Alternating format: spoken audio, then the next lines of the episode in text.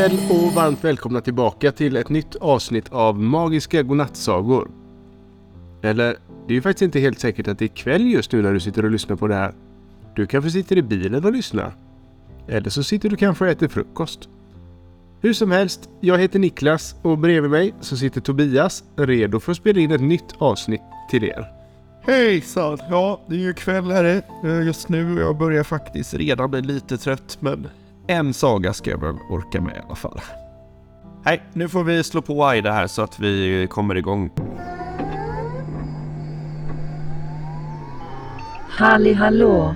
Vet ni varför bladlöss är så små?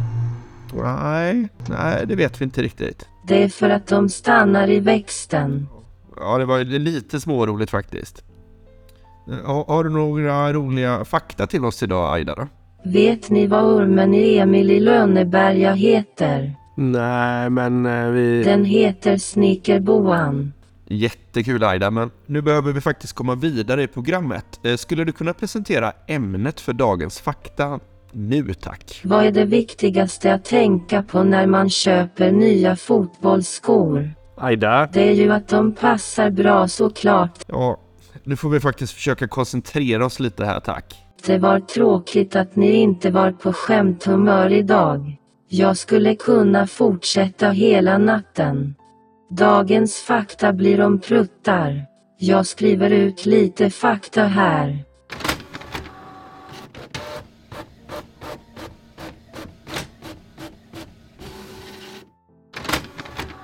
det verkar som att Aida är på riktigt bushumör idag. Här kommer eh, lite fakta om pruttar. Pruttar är gaser som kommer från magen och tarmarna. Pruttar bildas när vi äter och dricker olika saker. Pruttar kan låta olika beroende på vad vi har ätit och hur mycket luft vi har svalt. Pruttar kan lukta lite olika beroende på vad man har ätit. Pruttar är helt normalt och alla har dem.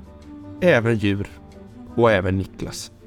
Tack för det. Innan det börjar lukta allt för mycket prutt här i studion så tycker jag det är dags för dagens saga.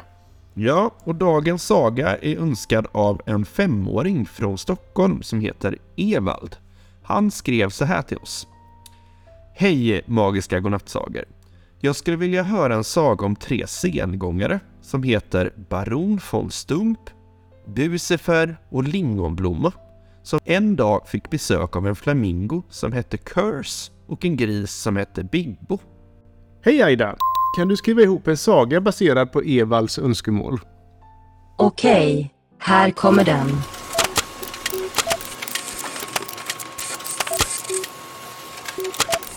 Ja, äntligen sagodags. Då kommer sagan Sengångarnas semester.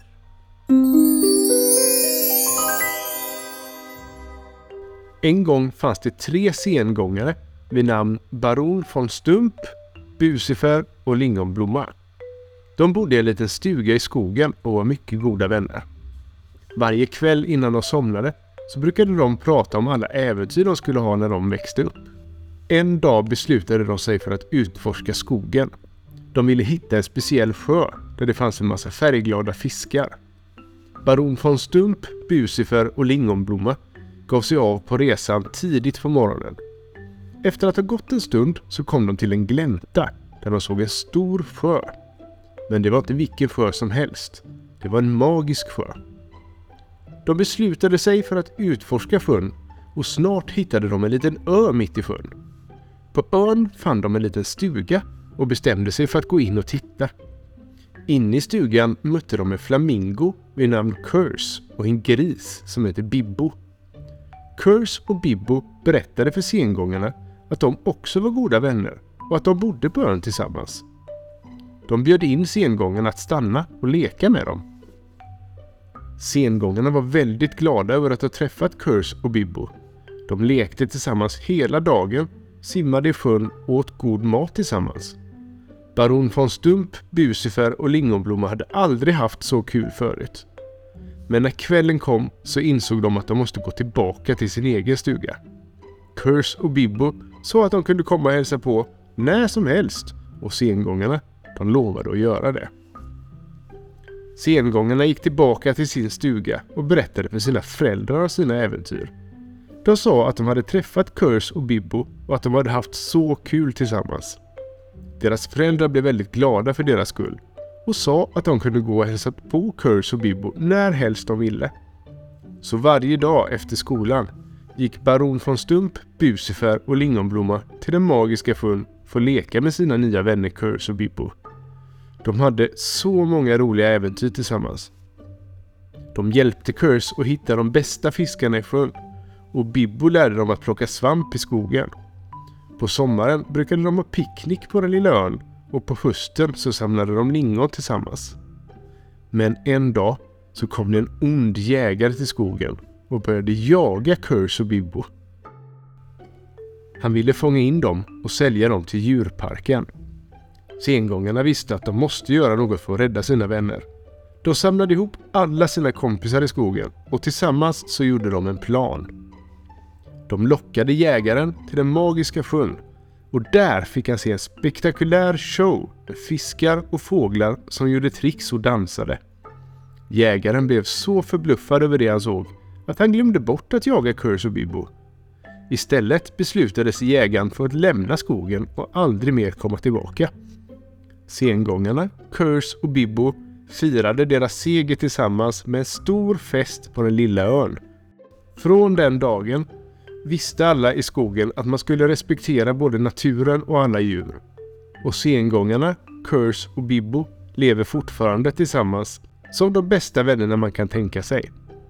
Och så somnade baron von Stump, Bucifer och Lingonblomma med ett leende på läpparna. Tänkandes på alla roliga äventyr de har haft med sina vänner Curse och Bibbo. Och de växte inte upp. De fortsatte leka och ha roligt tillsammans. För alltid.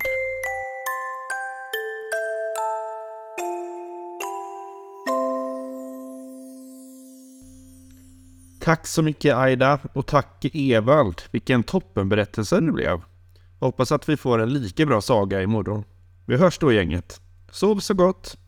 God natt.